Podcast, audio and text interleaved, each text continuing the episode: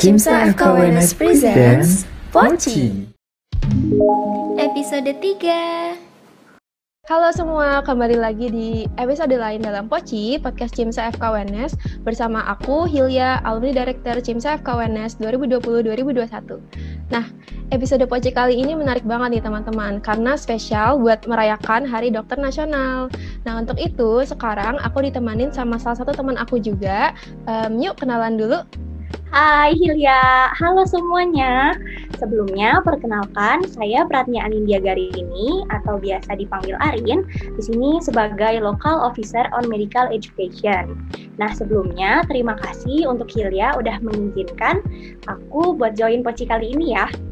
Iya Rin, sama-sama. Nah, Rin, kan di Poci kali ini kita mau ngerayain Hari Dokter Nasional ya Rin atau HDN. Nah, kita mau bahas apa sih di episode Poci ini tentang HDN ini? Nah, di HDN kali ini, uh, seperti biasanya, Skomi itu kan sudah merayakan HDN itu di tiap tahunnya. Nah, untuk tahun ini, Skomi mengadakan poci dan infografis yang bertemakan Become a Professional Doctor, di mana tujuannya adalah meningkatkan pengetahuan mahasiswa kedokteran tentang bagaimana menjadi dokter profesional. Harapannya nantinya mahasiswa tersebut dapat menjadi agent of change. Wah gitu ya, keren-keren. Nah jadi gitu teman-teman, Poci kali ini kita akan membahas tentang cara menjadi dokter yang profesional.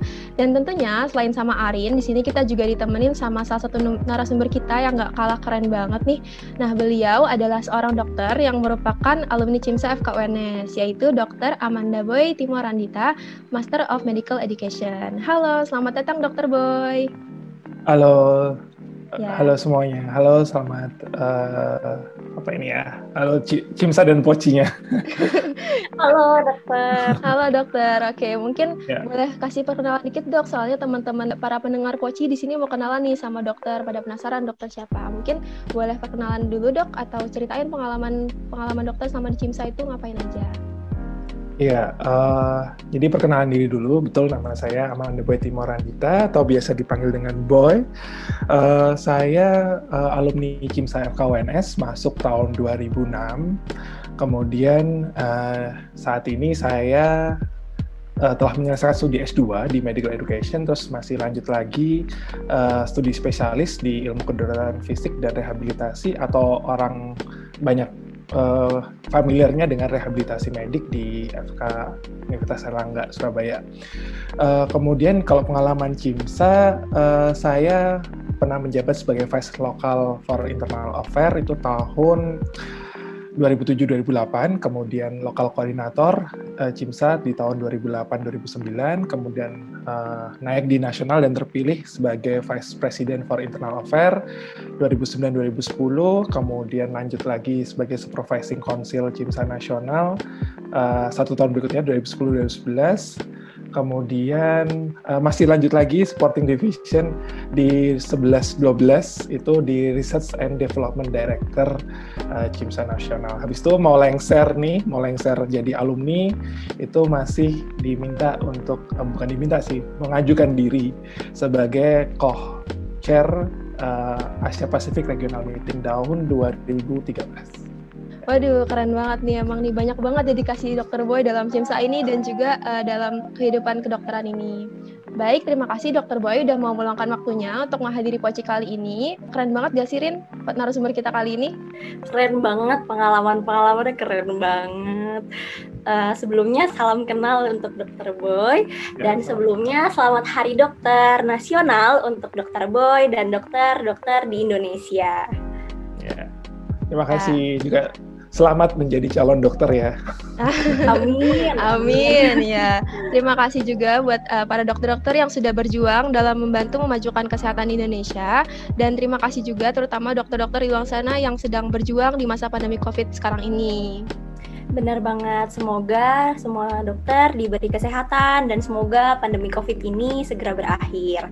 Amin, amin. Amin. Nah, oke, okay, kita kembali ke topik awal kita dulu nih tentang menjadi dokter yang profesional. Ngomongin tentang menjadi dokter yang profesional, kita mau tanya sedikit dong sama Dokter Boy. Menurut Dokter Boy, sosok dokter yang profesional itu seperti apa sih, Dok?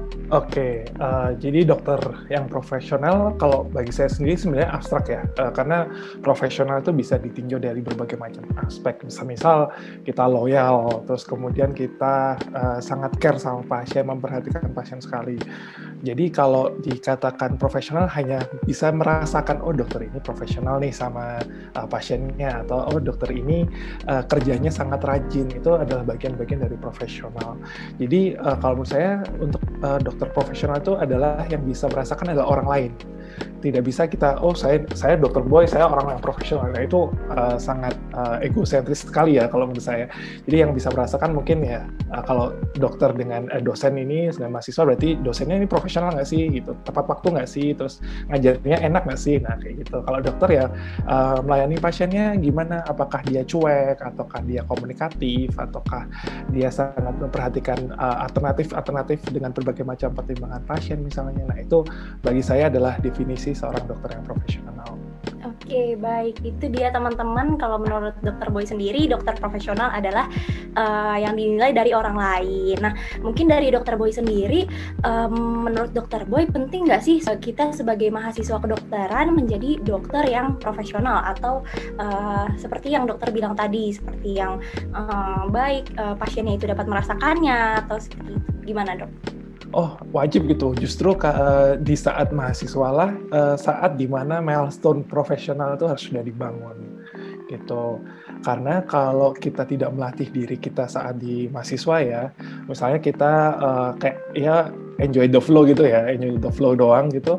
Uh, menurut saya nanti endingnya kayak ah, ini arah saya jadi dokter mau seperti apa gitu. Jadi nggak begitu punya arah yang jelas. Justru saat-saat mahasiswa inilah saat-saat untuk kalian punya bukan punya mencari passion ya. Sebenarnya kalian tuh mau jadi dokter yang akan seperti apa. Nah itu saat yang paling penting adalah di saat mahasiswa Oke, bener banget tuh ya teman-teman. Wajib katanya kalau misalkan menjadi dokter yang profesional itu. Nah, terus kan kita nih masih mahasiswa ya dok ya. Terus yeah. uh, gimana sih langkah awal yang bisa kita lakukan sebagai mahasiswa kedokteran untuk uh, menjadi dokter yang profesional nantinya? Gimana dok? Ya, yeah. uh, sebenarnya ini bukan bermaksud menyombongkan diri ya, tapi mencoba untuk flashback saya dulu gitu ya. Jadi saya dulu itu uh, jujur saya sangat bosan kuliah.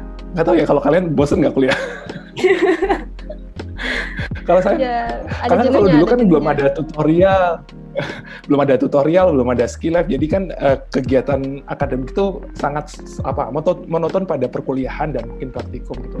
Jadi bagi saya itu sangat membosankan. Dan terus uh, saya merasa bahwa kayaknya saya nggak mau jadi dokter yang cuma ketemu pasien ngobati selesai. Ketemu pasien ngobati selesai. Tapi saya punya pengen value yang lain yang uh, orang lain tuh merasakan bahwa oh kalau mencari uh, seseorang dokter yang sosoknya X nih nih dokter Boy ini orangnya. Nah kayak gitu. Nah itu saya mulai dari sejak mahasiswa untuk jadi orang yang lebih produktif.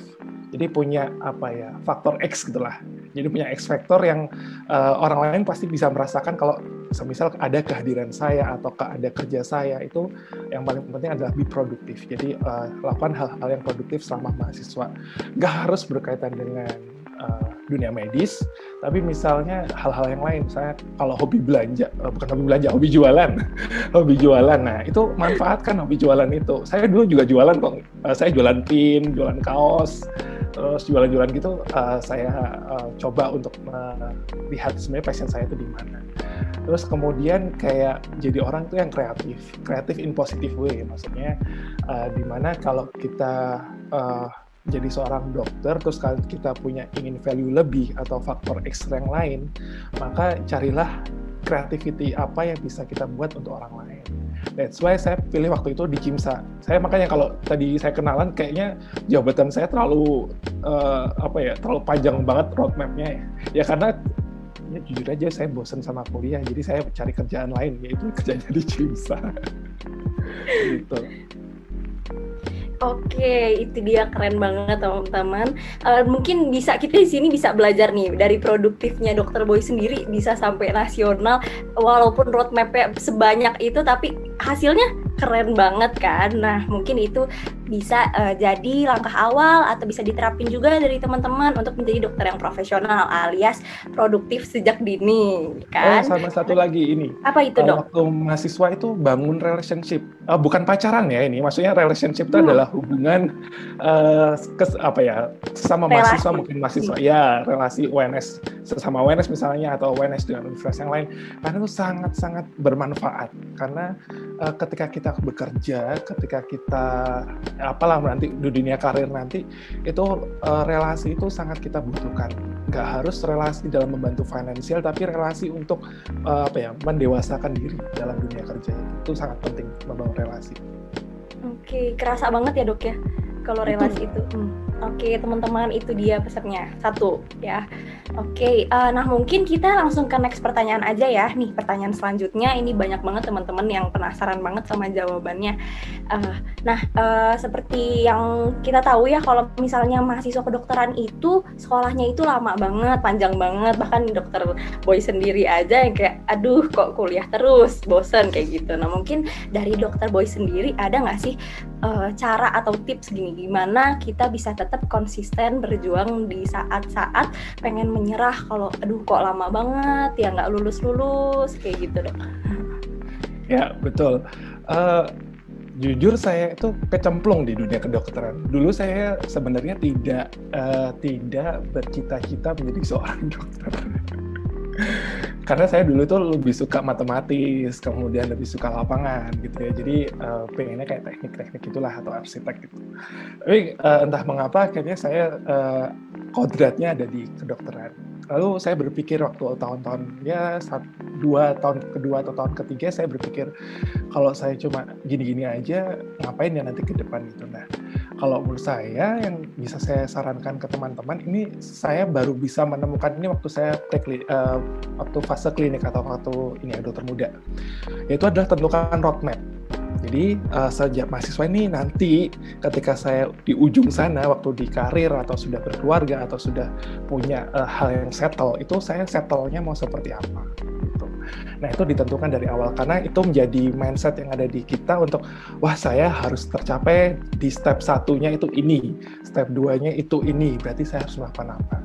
Jujur kalau saya baru menemukan passion itu ketika di dokter muda adalah passion saya, saya mau uh, di pelayanan dalam artian adalah uh, di fasilitas kesehatan gitu ya di rumah sakit atau di puskesmas, tapi saya mau punya sambilan yang lain.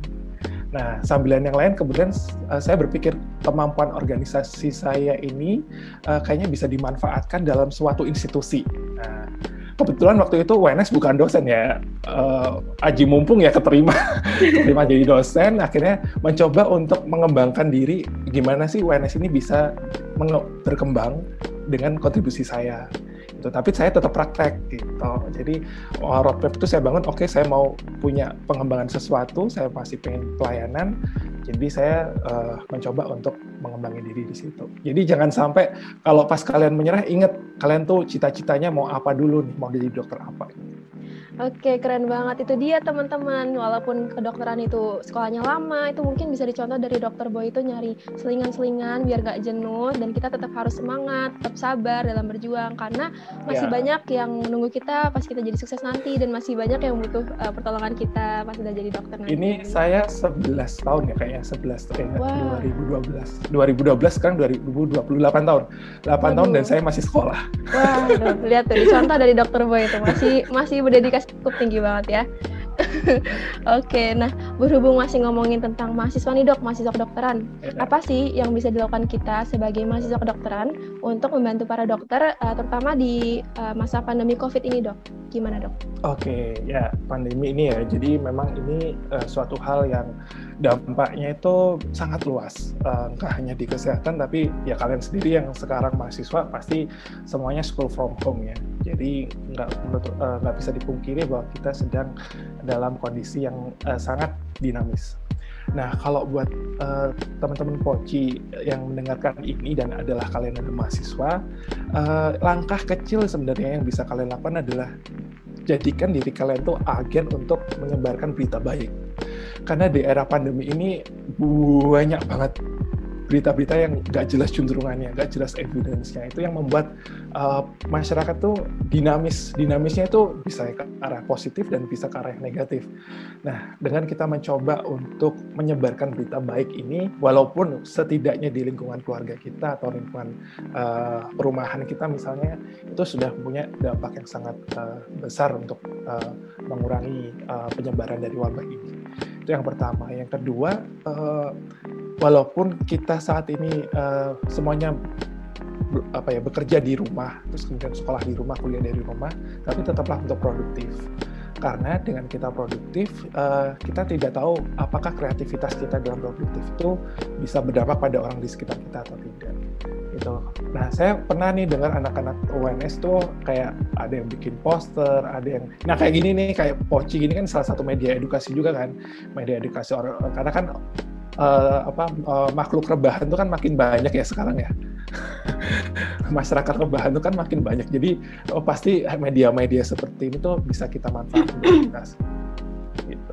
Oke mantap, itu dia teman-teman bener banget kan kita nggak tahu ya ini kita pandemi itu sampai kapan, sampai berapa lama masa ya kita masih rebahan terus ya kan? Nah itu yang tadi yang poin awal kita harus mulai sih produktivitasnya itu. Nah oke nih hmm, lanjut ke pertanyaan selanjutnya. Nah eh, beberapa dari kita ya dok ya uh, bilang kalau misalnya menjadi dokter profesional itu mencakup dari seven star dokter. Nah, tapi sebelumnya masih banyak nih dari kita yang belum tahu seven star dokter itu apa sih. Nah, mungkin dari dokter Boy sendiri bisa menjelaskan ke kami apa itu seven star dokter. Ya, uh, beruntunglah kita menjadi calon dokter apa dokter karena kita punya bintang tuh tujuh ya, nggak cuma hotel doang yang bintangnya lima gitu kan ya. Jadi bintang tujuh atau seven star dokter itu uh, adalah uh, role yang kita punya sebagai seorang dokter ke depannya itu akan harusnya seperti apa. Gitu ya.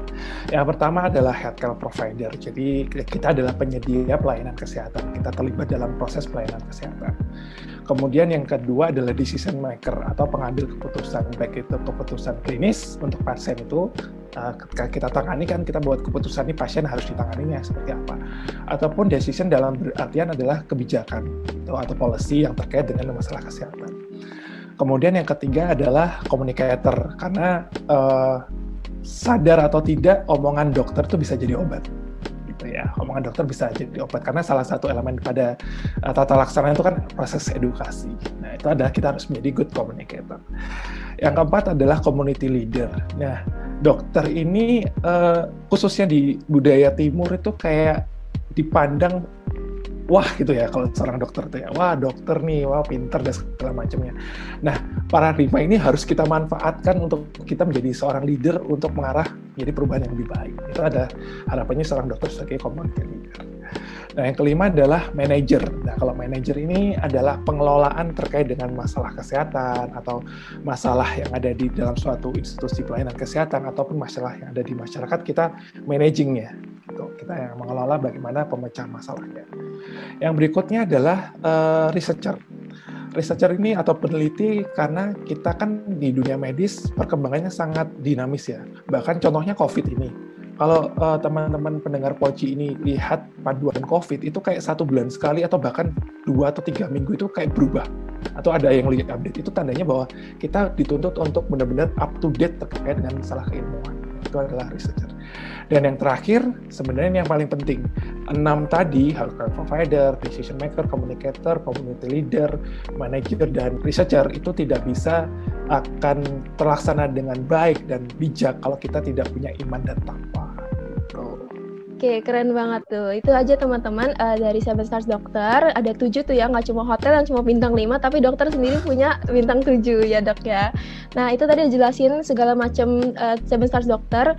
Mungkin tadi juga udah jelasin dikit tentang caranya menjadi Seven Stars Dokter ya dok ya. Mungkin bisa jelasin lebih lanjut cara kita bisa menjadi Seven Stars Dokter itu bagaimana dok?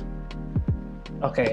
kalau cara mungkin saya jabarkan satu persatu ya, dan ini uh, berkaca pengalaman saya 8 tahun seorang menjadi seorang dokter. Sebenarnya 8 tahun tuh masih sangat ih cemen-cemen banget lah ya, masih dokter yang yeah. uh, ecek-ecek lah belum dibanding yang lain gitu. Gimana kita ya? Memang rocker. belum ya, belum. Ya, jadi untuk menjadi uh, seven star dokter memang tahapannya bisa dipupuk dari sekarang dari zaman mahasiswa ya. Yang pertama untuk menjadi seorang healthcare provider, mulailah untuk kita peduli sama orang. Uh, peduli ini bisa uh, khususnya adalah dalam dunia medis. Kita kepo itu boleh, kepo itu boleh, tapi kepo yang positif terkait dengan dunia medis. Semisal nih, itu paling sering kan uh, tahun pertama uh, mahasiswa kedokteran kan udah ditanya, Dek, uh, saudaraku sakit ini enaknya dikasih obat apa ya? Nah itu kan sudah pasti sudah punya pengalaman kayak gitu kan? bener banget, bener banget, bener banget. Sedangkan kalian mungkin masih belajarnya anatomi, fisiologi, belum ke arah farmakologi. Nah kita nggak apa-apa, kepo aja. Emang uh, misalnya demam, nah, demamnya mulai kapan? Kemudian kita mulai meski itu adalah tanda kita sudah mulai memunculkan uh, star yang pertama yaitu healthcare provider. Yang kedua terkait dengan decision maker, ini adalah yang paling krusial kalau menurut saya karena dokter itu uh, otaknya nggak boleh lola alias loadingnya lama karena uh, terutama dokter umum ya kalau dokter umum kan kita uh, dilatih untuk menangani satu kegawatan yang di situ kece kecepatan kita untuk berpikir dan ketepatan kita untuk mengambil keputusan sangat harus dilatih.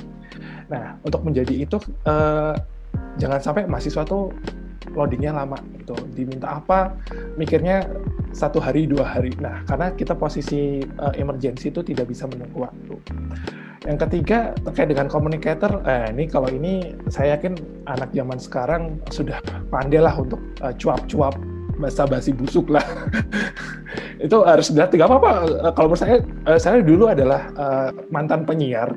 Jadi saya sangat terlatih untuk ngomong hahaha boleh dari yang penting sampai nggak penting. Tapi itu sangat bermanfaat untuk kita ngomong sama pasien karena pasien itu level pendidiknya bisa berbeda-beda sehingga cara kita berbicara cara kita beredukasi itu justru uh, mempunyai strategi-strategi khusus. Terus kalau jadi leader nah ini kalau jadi leader kuncinya adalah ego kalian. Ego kalian uh, bisa nggak sih untuk bisa uh, diturunkan atau kita bisa bekerja sama dengan orang lain dan terlibat dalam satu tim Terus kalau jadi manajer ya ini adalah uh, bagaimana cara kita untuk mengelola. Kalau saya punya quote itu di dari Maxwell kalau saya, seorang filsuf. Kamu menjadi seorang leader atau seorang manajer itu harus tahu jalannya, knows the way, goes the way, and shows the way. Jadi tunjukkan jalannya, lakukan jalannya, dan ayo kita bareng-bareng lakukan. Gitu. Sama kalau jadi researcher sama iman dan takwa, kalau researcher adalah curiosity ya. Jadi uh, berawal dari kepo tadi, kita harus cari evidence-nya. Nah, itu itu adalah awal dari researcher. Dan yang terakhir, jangan lupa berdoa, beribadah, dan dekatkan diri pada Yang Maha Esa. Oke, keren banget itu dia teman-teman. Jangan lupa kita kejar dunia, kejar juga akhiratnya. Iya. Itu mungkin step-step dari dokter Boy mungkin bisa acu sebagai acuan juga buat kita buat jadi dokter yang profesional intinya atau seven star dokter tadi. Nah, kita udah selesai bahas seven star dokter nih. Selanjutnya kita bahas tentang sistem pendidikannya yang ada di Indonesia. Mungkin seperti yang kita ketahui dari kurikulum sendiri yang diterapkan di uh, fakultas kedokteran atau di prodi kedokteran itu sendiri tiap kampusnya kan beda-beda banyak banget nih.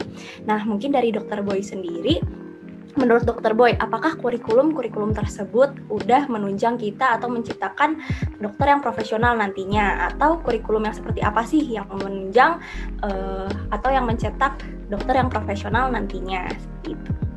Oke. Okay. Jadi kalau kurikulum sebenarnya kita punya payung yang sama, uh, punya payung yang sama yaitu uh, standar kompetensi yang menjadi dasar untuk kita mendeliver uh, materi ataupun kompetensi yang harus dikuasai oleh mahasiswa kedokteran. Kita punya payung yang sama memang betul.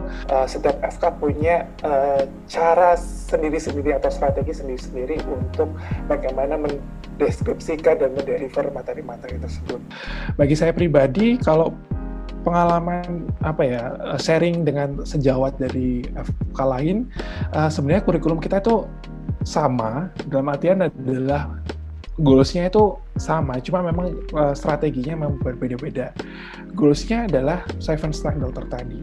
Jadi uh, kalau berkaca pada profesionalisme kalau uh, teman-teman Poci baca SKDI 2012 yang masalah piramida itu yang ada pilar terus kemudian ada atapnya itu adalah uh, bagian dari bagaimana kita uh, menjadi dokter yang profesional, di mana profesional itu adalah sebagai fondasinya. Dan itu sudah dideskripsikan dalam uh, kurikulumnya, jadi memang sudah terdesain uh, untuk teman-teman mahasiswa kedokteran itu menjadi bisa lebih profesional. Namun, ini kembali lagi ke masing-masing individu.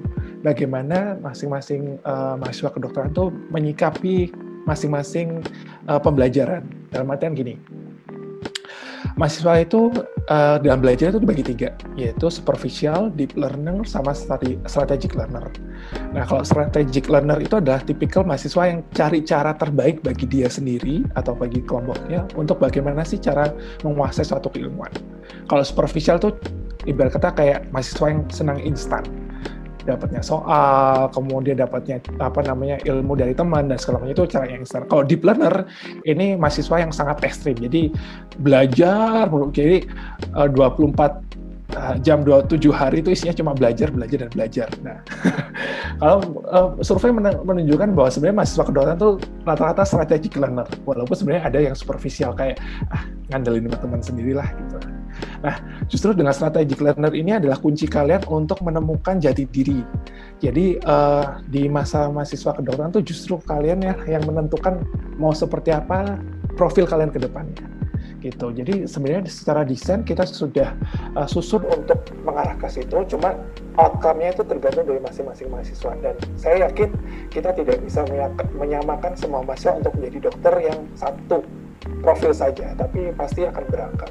Contohnya mau jadi dokter yang selebritis, oke, okay, fine. Kalian harus menguasai elemen-elemen uh, public speaking misalnya. Atau dokter yang uh, entrepreneur, berarti saya menguasai terkait masalah bisnis. Atau dokter yang murni masalah pelayanan itu fine, oke. Okay. Oke, itu dia teman-teman ya. Walaupun uh, kurikulumnya juga beragam, tapi dari mahasiswa sendiri juga cara belajarnya mungkin beragam ya. Ada yang strategic learner tadi atau yang deep learner kayak gitu ya. Itu tergantung dari kita masing-masing. Nah, udah ngomongin tentang sistem pendidikan nih dok. Sekarang kalau dari sistem uh, kesehatannya sih, kalau misalkan sistem kesehatan di Indonesia ini udah menuntut para dokter buat jadi dokter yang profesional belum dok? Menurut dokter Boy? Oke, kalau berkait masalah sistem ini agak berat sih bagi saya sebenarnya Uh, karena uh, sebenarnya kita harus ya mau nggak mau memang harus dituntut profesional dan beretika yang baik ya. Karena uh, dengan sistem yang sekarang seperti universal health coverage terus kemudian sistem jaminan kesehatan juga uh, menuntut kita untuk um, melakukan atau mentreatment pasien itu sesuai dengan uh, kompetensi kita dan SOP ataupun dasar-dasar uh, medis yang memang sudah kita pelajari dan itu berlaku sama pada semua uh, masyarakat. Nah, ini adalah tantangan kita untuk bagaimana mentreatment masyarakat itu sesuai dengan prosedural yang itu tadi, tapi tidak menyingkirkan aspek etika, uh, menyingkirkan aspek uh, komunikasi, menyingkirkan aspek-aspek empati itu jangan sampai itu tersingkirkan hanya karena prosedural saja. Nah, sistem kesehatan sekarang ini justru yang menjadi challenge kita, tantangan kita untuk uh, punya value lebih atau kalau saya bilang di awal tadi ekspektor kita itu mau apa dengan adanya sistem ini.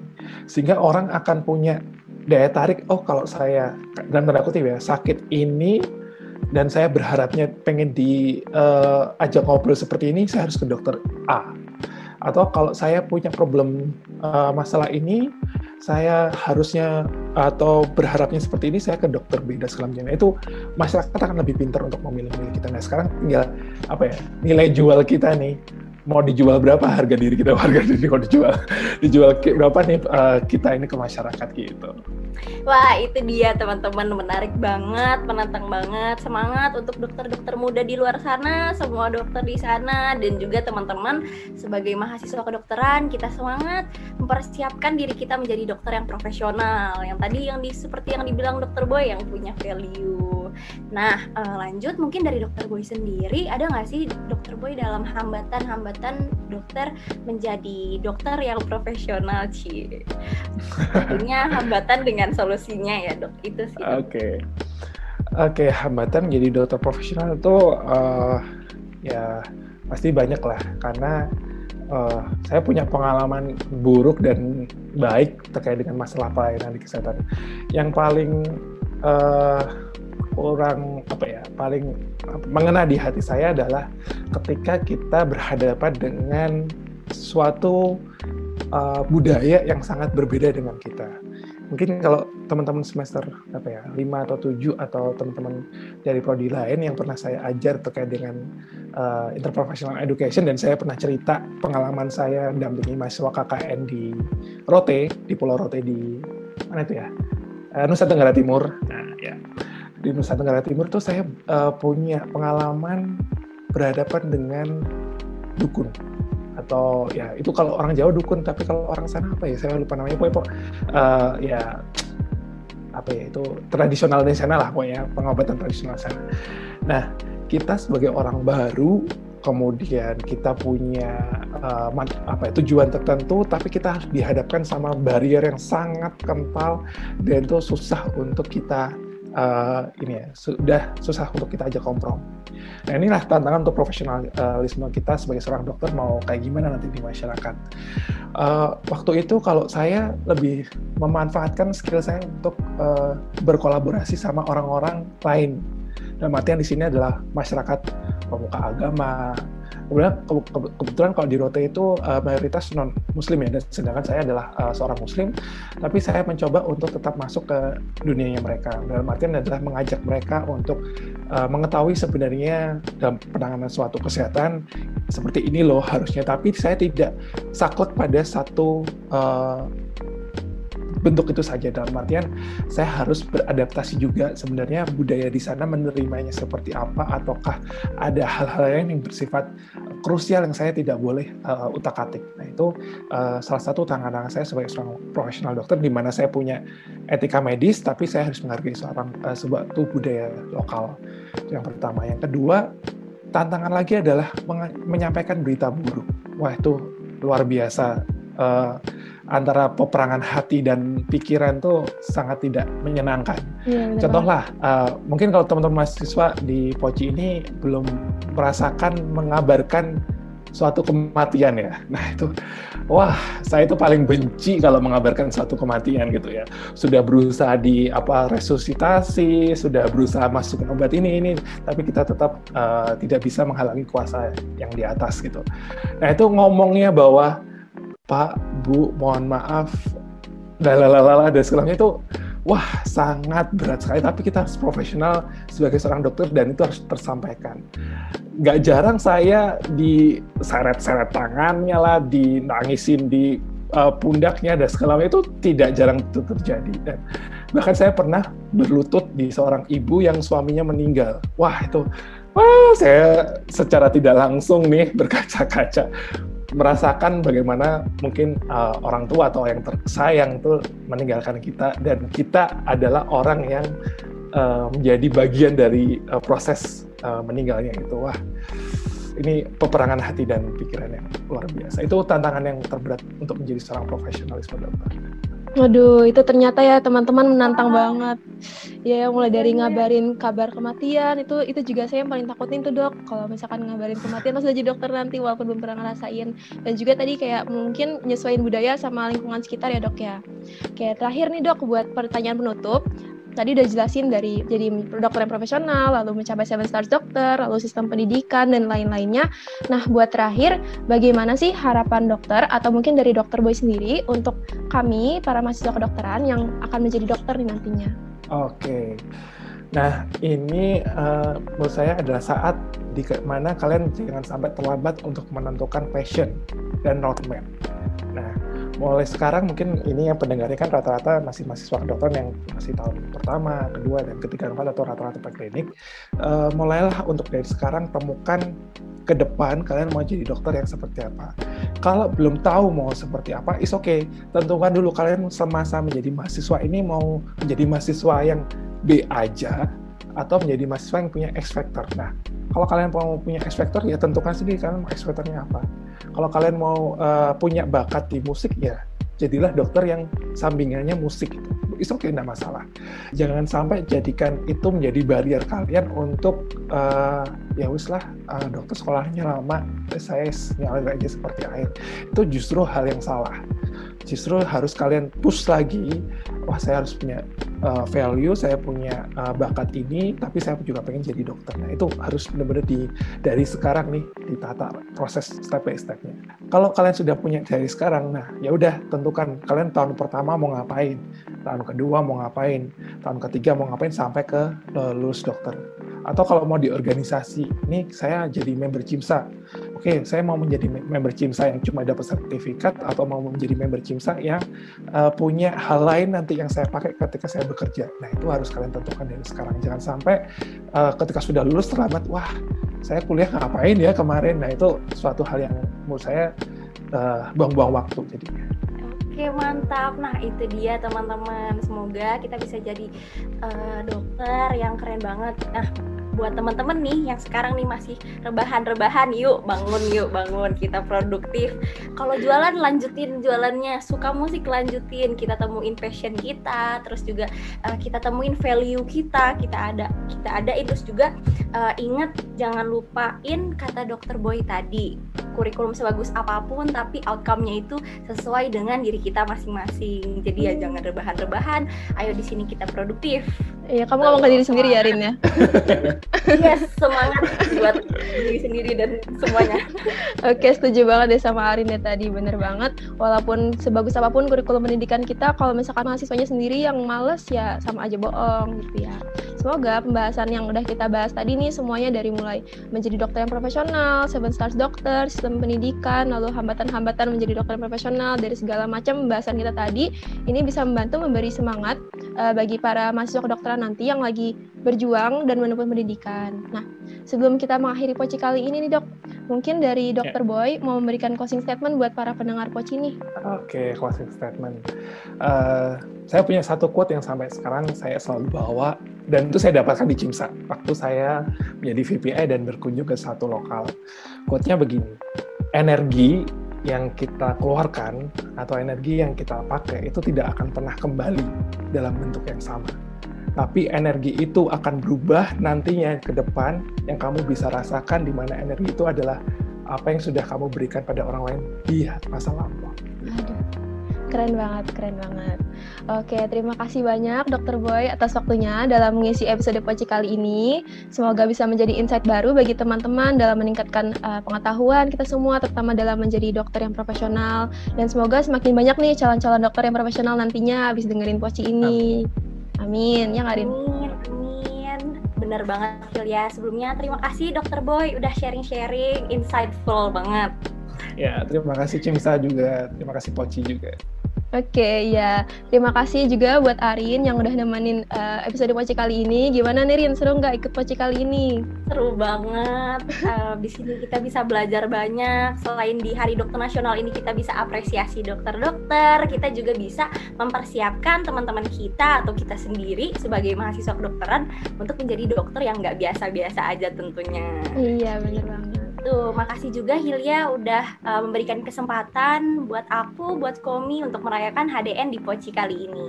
Iya, sama-sama Rin. Nah, oke teman-teman, episode Poci kali ini sampai sini aja. Terima kasih buat uh, Dokter Boy sekali lagi dan terima kasih juga buat Arin yang udah uh, bantu nemenin isi Poci kali ini. Dan tak lupa juga terima kasih buat uh, para pendengar Poci yang udah dengerin. Sampai jumpa di episode selanjutnya ya. Dadah. Dadah. Dadah. Ayo dadah dok. Oke, dadah. Thank you for joining us on Pochi. And also be sure to tune in for our next episode. JIMSA, empowering medical students, improving nation's health.